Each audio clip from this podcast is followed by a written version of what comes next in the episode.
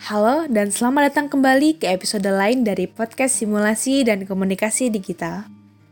Sesuai judul, pada episode podcast ini dan beberapa ke depan, kita akan membahas konsep keluargaan digital.